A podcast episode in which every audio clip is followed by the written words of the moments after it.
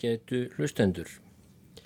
Eitt af því snótrasta sem segja má um íslenska pólitík og íslenskt samfélag á 20. öldinni er að ólíkt ímsum öðrum Evrópulöndum þá festi fasismi hér engar raunverulegar rætur. Hvar fasismin og yngri og enþá grimmari bróður hans nazismin náðu verulegu fylgi, það er endar merkilegt rannsóknurefni. Ísland var sem betur fer ekkert einstæmi, fasista og eða nazista flokkar náðu ekki verulegu fylgi á hinum Norðurlöndunum heldur. En þetta má sem sagt telja okkur til hrós að við höfnuðum í rauninni fasismannum á mjög afgerandi hátt í öllum kostningum. En það þýðir þó ekki því miður að hér hafi engir fasistar verið. Sannlega voru þeir hér og á þriðja áratögnum meðan kreppan beit sem fastast að tvinnuleysi var mikill og alþýðu fólk átti vart til nýfsók skeiðar, þá var nazismin valkostur hér og ymsir sem töldan með sínu offorsi, kynþáttahyggju eða bláköldu kynþáttahatri heið eina rétta fyrir Ísland og alveg sérlega mikilvægt að nazismin væri einn þess umkomin að sigurast á kommunismannum svo sá fjandi breytist nú ekki út frá hennum nýju Sovjetríkjum í Rúslandi þar sem kommunistar hafði tekið völdin. En kommunismin hafði raunar skotið miklu dýpri rótum á Íslandi en nazismin gerði nokkun tíma. En á tímabili þá var vissulega uppi tippið á íslenskum nazistum og þeir töldu sér trúum að fjöldafylgi væri rétt handan við hornið og það væri bara tímaspursmál hvenar þeim yksi svo fiskur um hrygg að kommunistar mættu vara sig. Svo vill til að til er á íslenskri bók frásögn af því þegar íslenski nazistaflokkurinn, eða réttar að sagt ungliða fylking hans, náði einum sakleysingja til liðs við sig og hugðist gera hann að diggum lærisveini og málpípu Adolfs Hitlers á Íslandi og nazistarnir í ungliðafylkingunni höfðu meira sér ekki hikað við að leita fanga í fjölskyldu þar sem vinstri mennska, að ég segi ekki blákaldur kommunismi, var beinlýnis landlæg. Ég held að ég sjálfur sér sé engin ástæði til að evast um að frásögnin sem hér fer á eftir og ég ætla að lesa sé bísna sannferðu lýsing á tilraunum íslenskra nazista til að útbreyða sitt fagnadareyrendi og afla sér nýliða. En það verður líka að taka fram að frásögnin er þó öll í heldur léttum dúr sem kallaðir, en það höfundur hennar kunnur fyrir slík skrif. Flósi Ólafsson, leikari, píslahöfundur, ritthöfundur, leikritahöfundur, hestamaður og ímislegt fleira. Flósi fættist í Kvosinni í Reykjavík árið 1929, sama árið og Kreppan mikla hófst í bandaríkjunum og hann fór því fyrst að muna eftir sér á kreppu árunum á Íslandi. Einmitt um það leiti sem kommunistar og nazistar börðust um sálir Íslandinga eða reyndu það að mista kosti. Flossi gerðist leikari, hann var líka allara handa skemmtikraftur og gleðigjafi og fyrir réttæpum 40 árum senda hann frá sér æfiminningar, bernskuminningar sem hann kallaði í Kvosinni því Kvosinni í Reykjavík var hans staður lengst af svo endaði reyndar upp í borgarfyrði en það er önnur saga. Það var í Kvosinni sem hann komst ungur að árum í kynni við nazismann og svona segir frá því.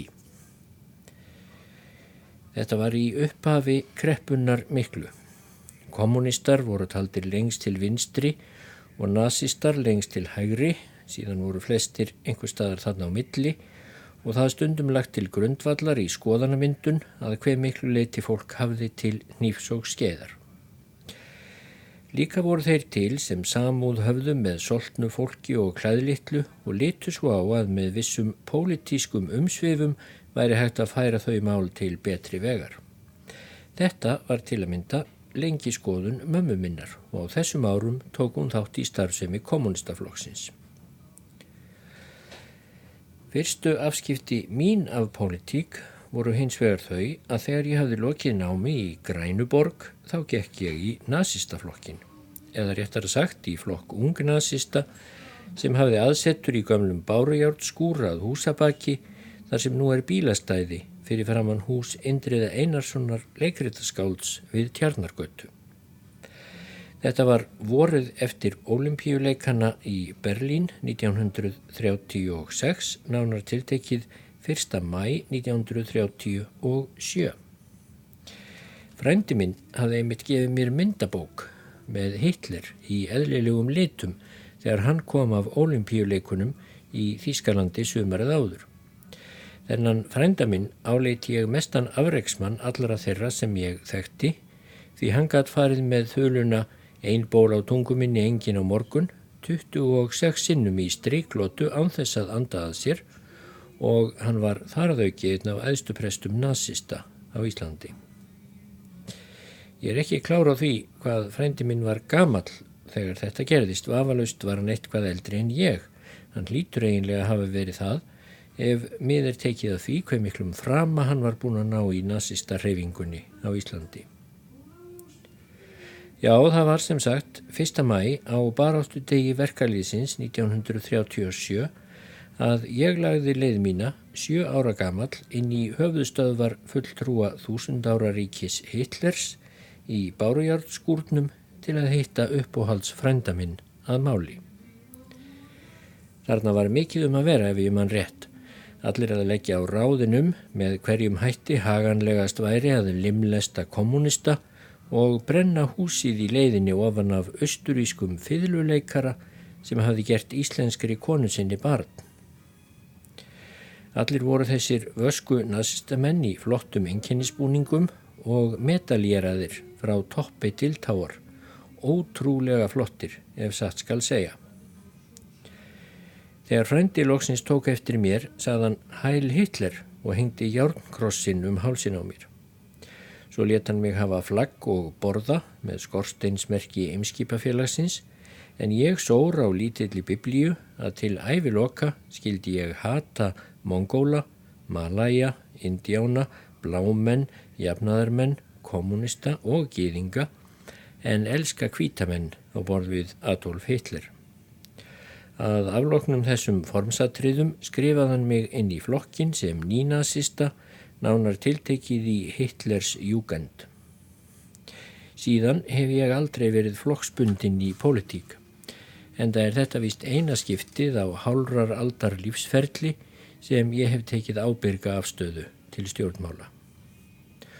Og áður en ég kvatti hann frænda minn, kentan mér smellið lítið þýst göngulag Erindinu hafði ljóðelskur íslenskur barnakennari snarað úr frummálinu. Júðablóðið spítist upp um alla veggi, við östlum í því gladir upp á miðja leggi. Satt að segja var tölverður hugur í mér þegar ég sjö ára gekk út úr höfðustöðum nazista á Íslandi þennan fagra vordag verkalýðsins 1. mæ 1937 með hakakrossborða á handlegnum Þíska þjóðfánan í hendinni, raulandi framangreinda barnagælu og staðræðun í því að láta nú bolsana og júðana finna fyrir mér. Ég ákvaða að fara í nazista múndiringunni vestur á vesturgötu til ömmu og sína henni herlegheitin. Nú er frá því að segja að á þessum bjarta vordegi verkalýðsins 1. mæ 1937 var Dilla með sellufund heima hjá mér á vesturgötunni. Harðast í kjarnin í kommunistafloknum vestanlækjar var sem sagt þarna komin til að meðtaka línuna sem borist hafði þá um nóttina frá Moskvu. Dilla var leðtogi sellunar B5 sem stundum var kölluð kultúrdillan. Engin tók eftir mér þegar ég smegði mér inn um dyrnar en það var dilla þá að útskýra ástandið í heiminum og færa það að teórium Karls Marx. Mikil híti var í umræðunum því einhver hafði náð því að segja Sístemið hefur klikkað á því að teórian fungerar ekki í praxís. En þegar ég raulaði barnagæluna sem ég var nýbúin að læra, júðablóði spítist upp um alla veggi við öslum í því gladir upp um miðja leggi. Þá sló eins og þögn á fundarfólkið. Þetta mun vera í fyrsta sinn sem ég hef stólið senunni. Attiklinn sem ég fekk var óskipt en það var ég rækilega auðkendur sem fulltrúi Hitlers júgend og hérna afar yfir ofar eða ofurmennilegu þýsku nasjónalsósialista, narreistur, prúðbúinn, bjartur í augum og sjö ára. Mér hefur verið sagt að dýr merkurinnar þagni í nokkur andartök áður en miklir jarðskjáltar ríða yfir löndin, jarmur, fogla og fjenaðar hljóðunni sem snakvast en svo kemur reyðarslægið. Og þess var ekki langt að býða þarna á vesturgöttunni.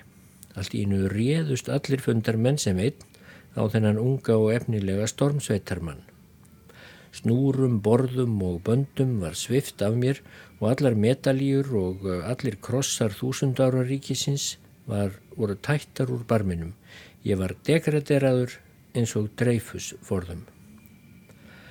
Og ekki nómið það heldur báru dillusellumenn og konur á eld í kapisunni hjá henni ömmuminni allar bókmyndir og fræði íslenskara nazista sem ég hafði blásaklaus ætlað mér að selja þeim.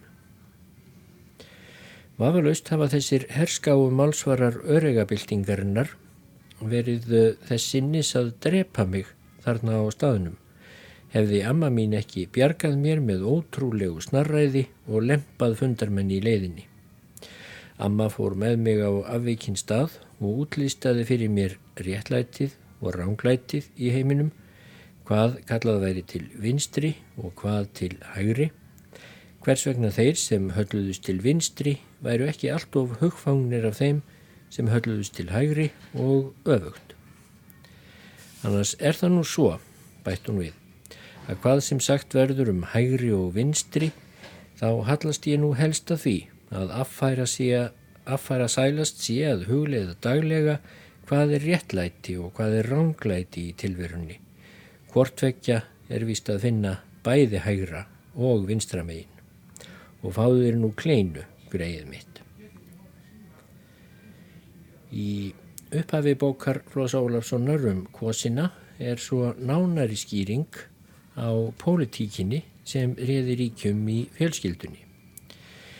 Þar segir, þegar amma mín var á miðjum aldri, mamma var tíu ára og ég mínus tíu, þá var gerð öregabilding í Rúslandi 1900 og 17.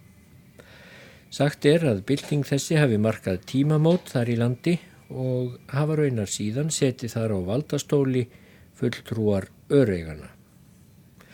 Margur hyggur víst að þessi umsvifi í Rússi á austur hafi haft gífurleg áhrif á heimsbyggðina og er svo skoðun raunar svo útbreytn úr orðið að sumir hafa hana fyrir satt. Hinnir snauðu fóru að láta sér detta í hugað lífsins gæði gætu valla verið aðeins fáum útföldum ætluð heldur bæri valdhöfum að hafa almenningsheill að leiðarljósi í atöfnum sínum. Þar í sveit sem valdhafar og málpípur þeirra voru í álnum fekk þessi skoðun ekki byr undir báða vangi og þurftu hinnir snauðari ofta að sigla þéttan beitivind í áttina því takmarki að fá að lifa þó ekki væri nema mannsæmandi lífi. Einhvern veginn svona var þetta þegar ég fættist. Mamma var þá tvítug og farin að trúa á réttlætið í heiminum sem betur fer en amma farin að reskjast og trúði á Guð og góða siði. Ég var vist þryggja ára eða fjögura þegar pappa mínum og mömmu sinnaðist eitthvað og mamma fór með mig á skíðasleða vestur á vesturgötu 15 þar sem afi minn skóaði en amma bakkaði kleinur handa bæjarbúum með kaffinu. Afi minn var annálað góðmenni og sagður öðrum mönnum hjartalýri. Viðmót hans var slíkt að harðsvíruðustu kettlingar urðu eins og eldiskinn þegar hann ræsti sig og snöyðir viðskiptavinnir fóruð að líta lífið og tilveruna bjartari augum eftir að hafa fengið hjá honum skó úr viðgerð upp á krít. Þanga til betur stendur á, elskan mín. Oft var gestkvæmt á skóverstæðinu hjá honum. Ég held að daprir vekkfærendur hafi gert sér farum að líta inn til hans, bara til að komast í jákvætt sálarástand. Hann hafði góða návist, eins og það er nú kallað. Afi fór víst vel af stað í veraldlegum skilningi. Hann hafði marga menn í vinnu við að gera við skó. En svo var farið að fjöldaframleiða skótau í útlandinu og flytja inn danska skó, svo nefnda, og þá fór að Hallundan fæti hjá honum. Og þegar Afi og Amma skildu eftir að hafa komið fimm börnum á legga og tæpum mannsaldri, þá voru þessa heimskjæði víst gengin til þurðarað mestu þar á vesturgötunni. Ég held að afa mínum hafi aldrei fundist að ná nokkur í átt að aukið væri á sálarangist snöðramanna með því að láta þá ganga á vondum skóm. Skóm sem búið var að ganga niður úr og varð að sóla hvort sem eigandin var ríkur eða blankur. Ekkert er jafn aðkallandi í lífinu, elskan mín, sagðan, eins og að vera á heilum og góðum skóm. En hitt var svo að ráðast hvort menn gáttu borgað fyrir skóviðgerðir eða ekki. Við tölum bara um það setna, elskan mín, þegar betur stendur á, það er nú ekki hundraði í hættunni. Ömmu þótti þetta vist ekki alltaf nógu gott, en Ava fyrirgafst flest því honum þótti svo ósköp væntum alla og öllum þótti svo væntum hann. Engan mann hef ég vitað kurteisari. Þegar unnustur móðurbræðra minna hölluðu sér á vesturgötunni yfir blánóttina þá sólaði hann skóna sem stóðu framan við dyrnar á meðan unga fólkið fekk sér kríu blönd en brennivínið fór óskup og skelving illa meðan afa minn. Hann bjá einn síðustu ár æfisinnar en þeir sem voru nálagt honum voru allatíð sérlega góður við hann. Hann vann alltaf mikið og hafði skóverstæði þar til hann dó. Stundum lenda hann á vondum túrum og varð mikið veikur og eftir. Einu sinni var hann lagðurinn á spítala, talsvert illa haldinn. Júli á Leirá, bróður hans, heimsótti gamla mannin og sagði við hann Sérðu nú ekki ósköp mikið eftir þessu öllu, ottur minn? Æ, ég veit það ekki, Júli minn, svaraði afi minn. Þetta var nú oft svo afskaplega gaman. Og einu sem hann afi minn sagði við mig þegar ég var krakki hef ég aldrei glemt. Það er aðeins eitt betra heldur en að sopna gladur. Það er að vakna brosandi. Mamma fór að vinna úti. Ég var hjá ömmu. Ég veit ekki hvernig ömmu leið á þessum árum. Það var ekki rætt. Ég var allsæl, satt löngum upp á eldhúsborðinu og vesturgöttunni og söng með henni kanónur og meðan hún var að baka kleinur honni vesturbæinga með kaffinu. Mér þótti afskaplega væntum hann ömmu mína, eiginlega vætna ennum annað fólk. Hún var þó ekki allra. Ég held ég að þeir hafi verið til sem hafðu af henni beig. Trúlega hefur hún átt að til að verða viðskotahýll þegar vinsældir afa kyrð úr hófi fram. Egin konur gleðimanna vesturbæjarins á kreppuárunum þurftu held ég að temja sér raunsægi. Draumórar voru sérréttindi kallanna að ekki sé nú talað um herrlega útreyðartúra um helgar og þaulsetur og góður að vinna fundi þar sem vandamál samtíðarinnar voru rætt, reyfuð og brotinn til merkjar en vel að merkja á þess að gerðar væru umtalsverðar tilraunir til að leysa þau. Ég hugsa að ömmu hafi þótt hyggilegast að halda sig sem mest nýðri á jörðinni. Það er stundum kallað á íslensku að vera jörðbundin og ætti vallað að teljast ljóður á ráði nokkurs manns. Einu sinni sagði hún við mig Ekki veit ég hvort það er satt sem sagt hefur verið um hann teit á brekkunni að hann hafi sett eitur í skýrið hjá fyrri koninni sinni sálug og barið krakkana til óbóta. Og enþá síður veit ég hvort það var hann sem kveikti í búðinni hérna um árið þó það sé nú altalað. Nú, þó hann væri nú sífullur blessaður, hróðarlegur með víni og mistyrmdi bæði koninu og krökkunum í tíma og ótíma, þá má hann þó eiga eitt hann teitur, hann skaffar vel. Einhver tíma, skömmu áður hún dó, spurði hún mig hvað Herman Jónasson gerði. Hann er forsætistur á þeirra amma mín, svaraði ég. Já, það veit ég vel, svaraði þá amma mín, en vinnur maðurinn ekkert. Og það var raunar þessi amma mín sem orti fræga vísu um Jarpan Hest sem Kitty móðurbróður minn átti í hesthúsinu upp á lóðinni á Vesturgötu 15. Á Jarpi höfðu allir mest að dálæti en Jana sem var í vist hjá ömmu og úr dölunum beinlinis elskaði klárin. Svo var það einhver tíman að skýta hljóp á Jarp. Þá orti amma mín þessa frægu vísu. Þegar Jarpur hafði skýtu, allir gretu á vestur götu, Jana gretu og mest, hínir gáttu þó hætt. Undir handarjæðri þessarar ömmu minnar ógs ég svo úr grasi og tók trú hennar á Guð og góða siði. Trú mín á Guð fór hins vegar þverrandi eftir því sem aldurinn færðist yfir mig. En þegar ég var tí ára gerði ég samning við hana þess efnis að mér er þið ekki lengur gert að fara með bænir upphátt. Hvað við við góðum síðum var hins vegar ekki hægt að rokka gömlu koninni neitt. Engar undanþáur voru veittar í því efni. Þegar að fermingunni dró var ég laungu hættur að hugsa um Guð og amma raunar hætt að spyrja mig hvort ég færi með bænirnar mínar í hljóði. Ég let þó til leiðast að fermast út af brún skjóttum fóla sem ég gynntist og hafði ástæði til að ætla að ég kynni að fá í fermingargjöf. Í staðin fyrir föður són og heilagan anda þá fekk ég svo peninga, hjól og brúnskjóttan fóla. Á næstu árum hætti ég svo að trúa á allt nema þann brúnskjóta og hugmyndir mínar um himnaríki miðuðust við það eitt hvort mér tækist að gera góðan hest úr göldum fóla. Þetta tamningaskeið er enn ekki á endarunnið hjá mér. Fólinn, raunar brokkingur og dindóttur þótt gangur kunni að leynast í honum.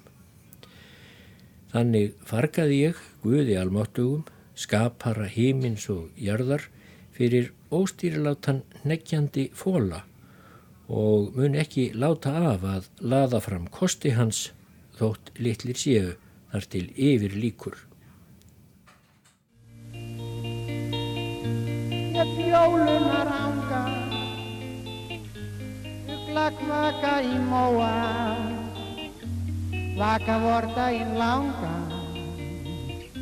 Viltir svanir og tóa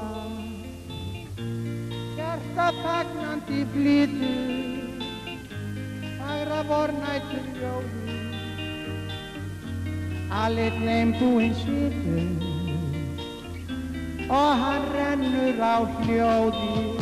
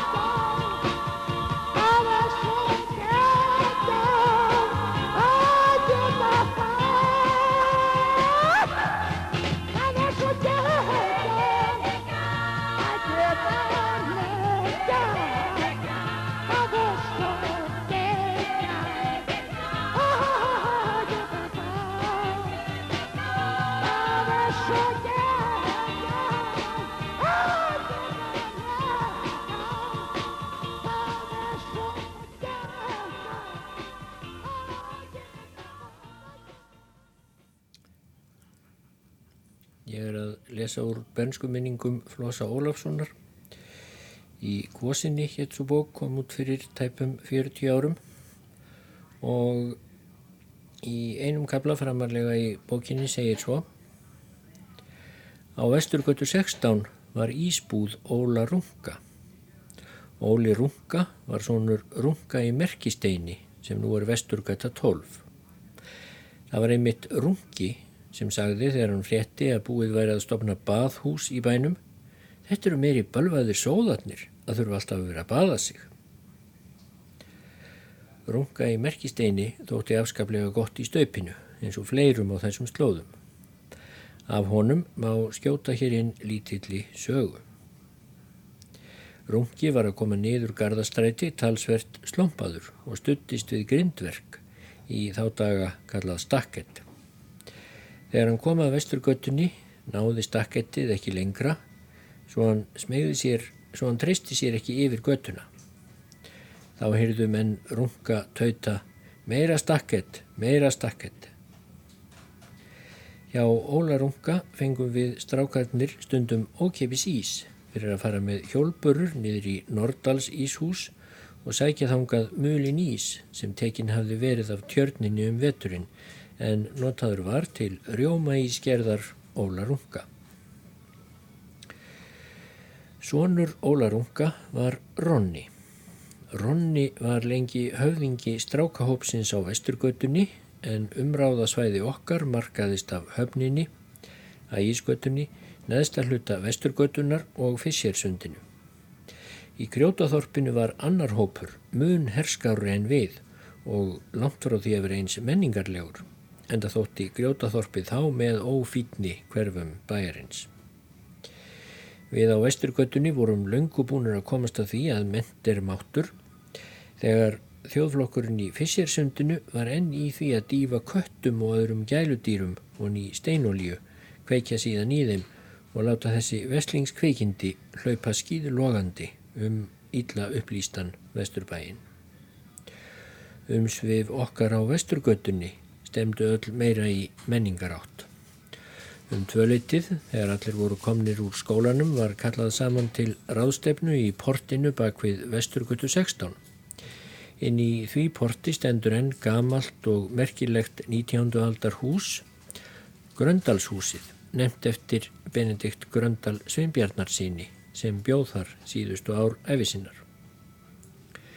Það var Ronni sem kallaði hópin saman með því að gefa frá sér skrítið hljóð sem var sambland af svistnesku jóðulli og stríðs ösk, öskrum Tarsans úr gamla bíói. Þaðan er komið máltækið Tarsan í trjánum með mannaskít á tánum. En Á þessum ráðstefnum var svo dagurinn skipulagur. Sérfræðileg álit voru byrt, tillögur borðnar fram, álíktanir, dregnar, fjallaðum niðurstöður kannana og þær reyfaðar og rannsakaðar.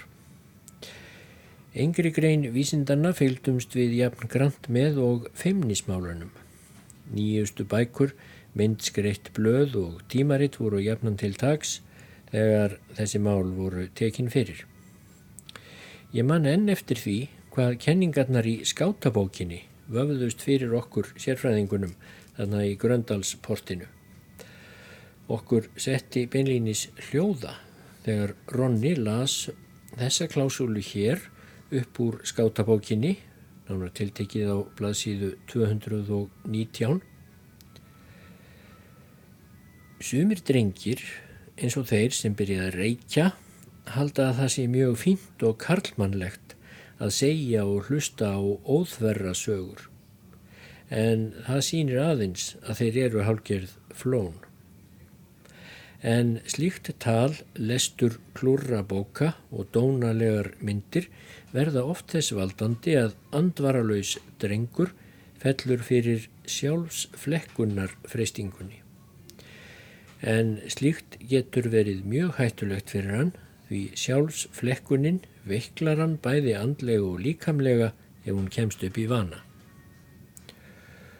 Oft stafar þessi físn af slemri meldingu eða of mikilli og góðri fæðu, hægðateppu eða þá hún orsakast af því að sofið er í of heitu rúmi með of mörgum ábreyðum. Það er hægt að lækna sjálfsflekkunar áráttuna með breyttum rúmbúnaði, köldu baði sem tekið er tafarlaust þegar áráttan lætur á sér kræla eða þá með leikvimiæfingum, armæfingum ímiskonar, nefaleikum og svo framvegis. Það kann að vera erfitt að standast freystinguna í fyrsta sinn en er þér hefur tekist að einu sinni þá gengur það betur eftirleiðis.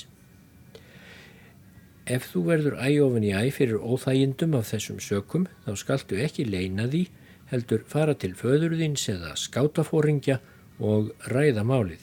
Þá verður öllu kift í lag.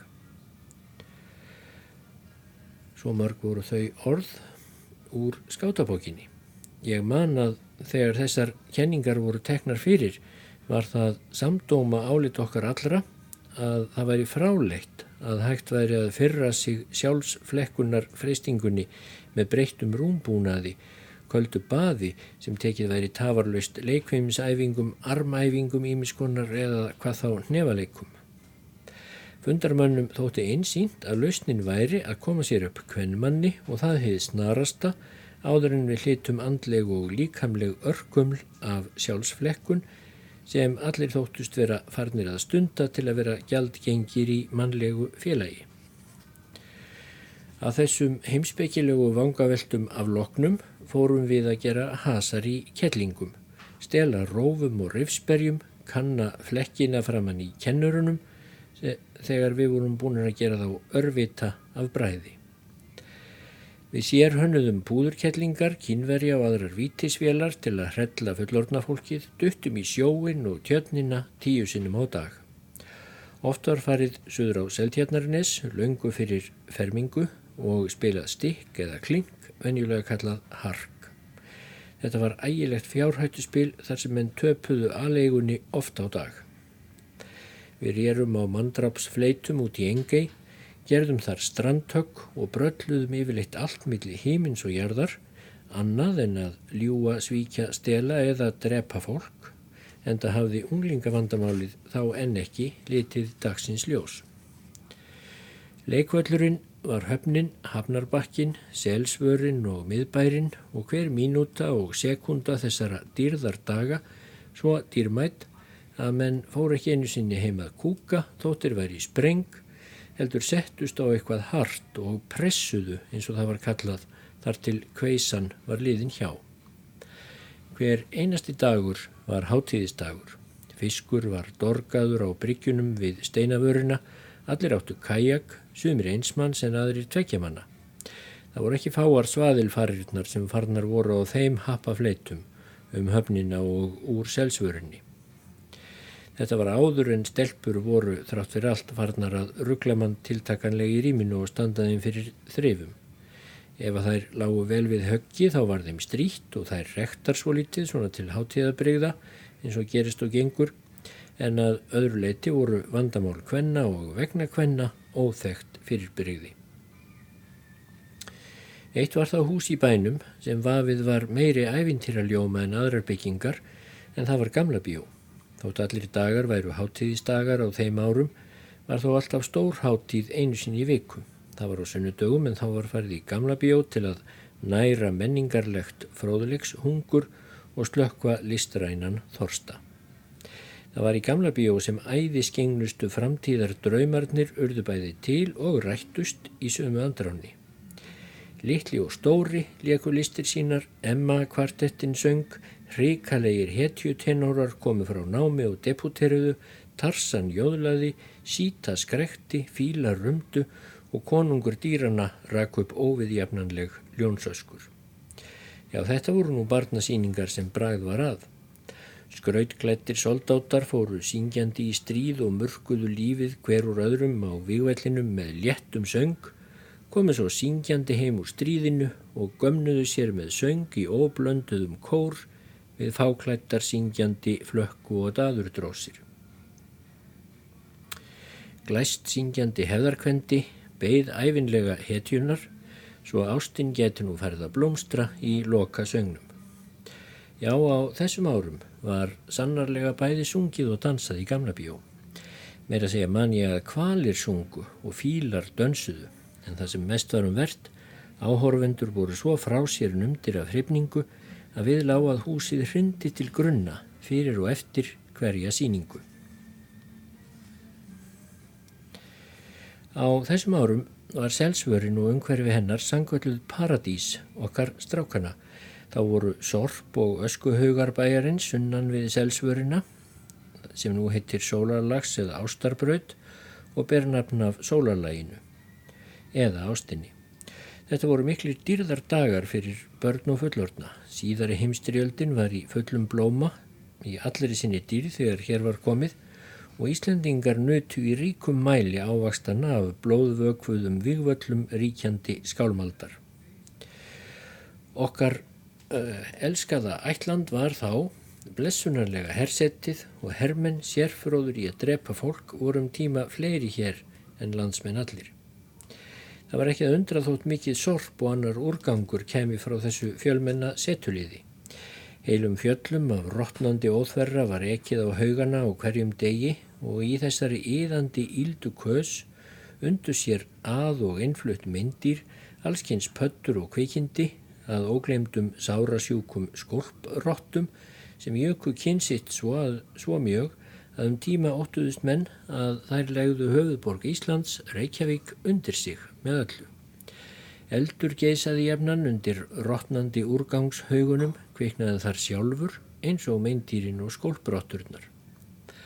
Stundum lagði í vestanátt megnan þef af haugunum yfir bæin. En fljótlega fundu framtaksamir Íslendingar þá út af higgjuviti sínu að í rótnandi óþverjanum gátu leinst verðumæti sem ef til vill getu verið brúkleg fyrir landan þótt erlendir stríðsmenn hefðu hendið með á haug. Og fljótlega voru að venja komur sínar á haugana hópur vaskramanna sem rótuðu í rótnandi kvössinni við hliðin á skólbrottunum. Og þarna grömsuðu hlið við hlið mannskeppnan og meindýrið, róttan til að halda í sér lífinu en maðurinn til að já til að bjarga verðmætum frá glötun og breyta þeim í peninga. Þetta var fyrsti vísirinn að sölu nefnd varnarliðsegna og raunar vakka þeirrar forretningar, svo segja má með sanni að mjór sé mikils vísir. Við strákarnir stundum þarna hins vegar sportveiðar að hætti evrópskra aðalsmanna og konunga, skutum rottur með tegjubissum, slöngvum og jáfnvel alvöru vopnum. Alltaf vorum við pattarnir, hinn ungi aðal vesturbæjarins, heldur illa séðir af skólbrottunum, en það komnir á haugana til að granda þeim. En af óskiljanlegum ástæðum hafðu gramsararnir líka hortni í síðu okkar og veit þó sá sem allt veit að mikið vantaði á að við hefðum nægilega sterkan maga til að koma nálagt draumalandi þeirra, sára sjúkri og íðandi rótt kösinni, þar sem þeir heldu til. Stundum sáum við þá veiða eitthvað upp úr óþverranum og skóla af því mesta viðbjóðin, síðan var þetta sett upp á bíl og selt einhver staðar. Við vissum ekki hvar. Svona gekk þetta um hríð en svo kom að lokum að yfirvöldin skárust í leikin, ráku okkur strákana af haugunum en veittu vissum mönnum þau forréttindi að fá að gramsa í sorpinu frá hernum á haugunum. Sumir hinn að dögumestu og framtagsömustu hafa af þessari yðju orðið auðauðir menn og komist til mikill að mannverðinga. Engum vangaðist hagur þeirra eftir að sorphaugarnir undir stapanum skamt frá Keflavík fóruð að gefa dagvissa uppskeru. En þá að mentabrautinni. Það var víst haustið sem ég var sjö ára sem aðstandendum mínum kom saman um að ég væri það spámanlega vaksinn að líklega færi hér lærdómsmaður. Þá um haustið var ég sendur í Grænuborg að læra að kveða, læra að kveða að, námið sóttist ítla en það voru þá hafnar nýjar aðferðir í lestrarkenslu og stafinir ekki lengur kallaði sínum gömlu nöfnum B, D, F og G heldur var galdurinn í því fólkin að líka eftir þeim með framandi búkljóðum. Ég held að þetta hafi verið kallað hljóðulestur þó man ég það ekki glögt. Hvað um það? Þegar aðstandendur mínir komist að því að ég var ekki orðin læs um hátíðarnar var ákveðið að ég skipti um mentastofnun og ég var sendur til Kristínar nokkurar á Bárugötunni. Hún var þó fyrir vestan læk þó ekki verið annað. Þegar ég var krakki hafði Kristín þessi þegar yfirstíið mannlegt tímatal. Hún var þá búin að kenna þremur kynnslóðum vestur í bæ að lesa og skrifa. Óli sónur minn fekk undirstöðu mentun sína hjá henni laungu síðar og mér, ég býst við því að badnabönnin mín fari til hennar líka ef hún er þá ekki dáin.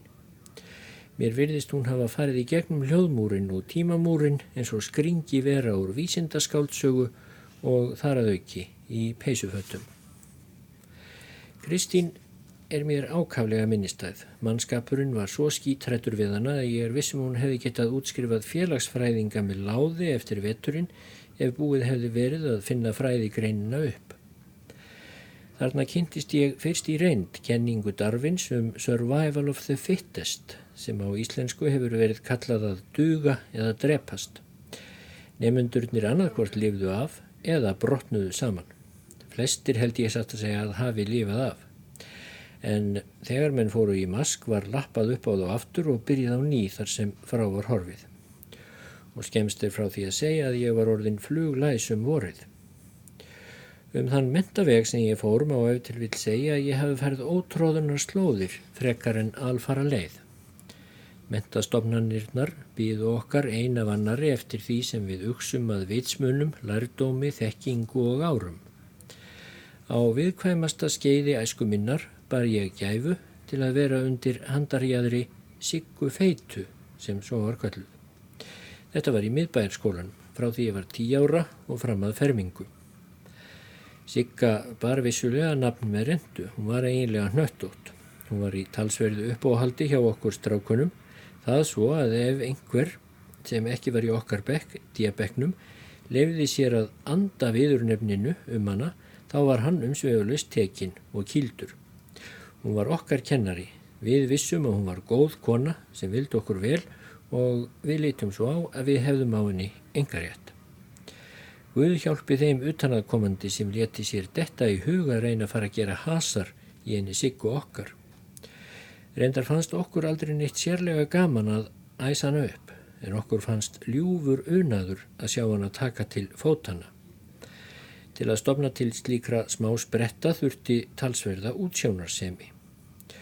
Uppóhalds nefandi Siggu var með ættarnafn og komin af góðu fólki, gott ef ekki prestum, það langveðgatali, Það var alveg með ólíkindum hvað hún var fljóta að taka til fótana út af þessu uppáhaldi sínu. Langur gangur likur frá norðri til söðurs eftir miðbæjarskólanum endilöngum, síðist í þessum gangi býðum við þess stundum að Sigga kemi út úr kennarastofunni við norðurendan. Og þegar hún byrtist lóksins í öllu sínu veldi, tókum við til við að murka líftóruna úr uppáhaldinu hennar í söðurenda gangsins.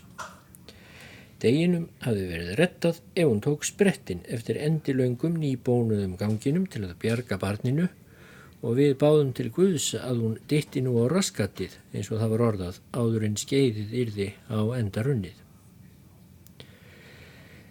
Annað var það sem þótti líka mikil og góð dagrastýtting þarna í diabeknum í miðbæjarskólanum en það var að senda Siggu fram á kennarastofu til að fletta því upp hvers vegna tiltekin orð væri skrifuð með tvöföldu í eins og Ufsilon var kallaði þá daga. Þegar hún var rétt komin út úr kennslustofunni þustum við fram að dyrum til að fylgjast með göngulæginu norður eftir ganginum aftanfrá. Okkur fannst þetta alveg óstjórnlega skemmtilegt.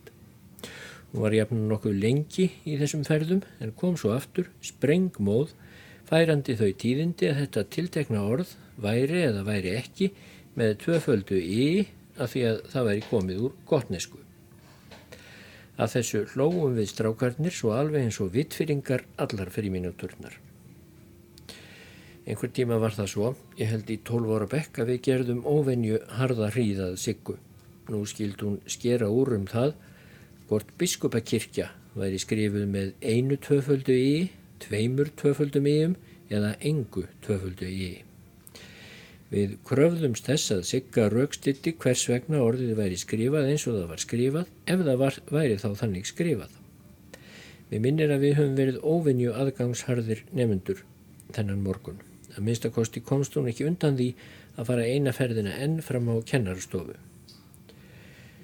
En áður hún lagði í þennan réttirittunnar leðangur þá tók hún upp vasaklútin sinn og snýtti sér. Kanski var hún kvefuð. Um leið og hún var komin út úr dýrunum þustum við strákarnir fram í gættina til að horfa á eftir henni, kjaga fram gangin eins og venjulega. Þegar við komum í gættina sáum við að hún hafði ekki farið nema spölkorn fram eftir ganginum en stóð við gangluggan og horði út á leikvöllin. Hún varð okkar ekki vör. Okkur setti hljóða. Þarna stóð þessi kona eins og alein í heiminum, drúfti höfði og barðist við grátin. Hún var ekkert hlægileg. Svo lagði hún ennið á glukkapóstinn og stóð þannig drikklanga stund. Svo tók hún vasaklútin upp aftur, snýtti sér, þurkaði sér um augun og sög upp í nefið. Og það var eins og við mannin mælt. Við lölluðum allir óskup hljóðulátir í sætin okkar. Engin flissaði, engin sagði orð. Og svo býðu við þess að Sigga færði okkur stóra sannleikanum Ufsilónin í biskupakirkjunni. Þegar hún svo kom lóksins aftur, þá var hún búin að ná sinni fyrir reist og tilkynnt okkur að biskupakirkja væri komin beint úr gotnesku og þess vegna væri ekki í henni neitt töfald í. Eftir dálitla þögn sagði Eyvi P. sem var eiginlega fremur hriðjuverkamaður en vandraðabann Já, það gæt nú eiginlega ekki annað verið. Svo mörg voru þau orð. Þetta voru orð og frásagnir Flosa Ólafssonar úr kosinni.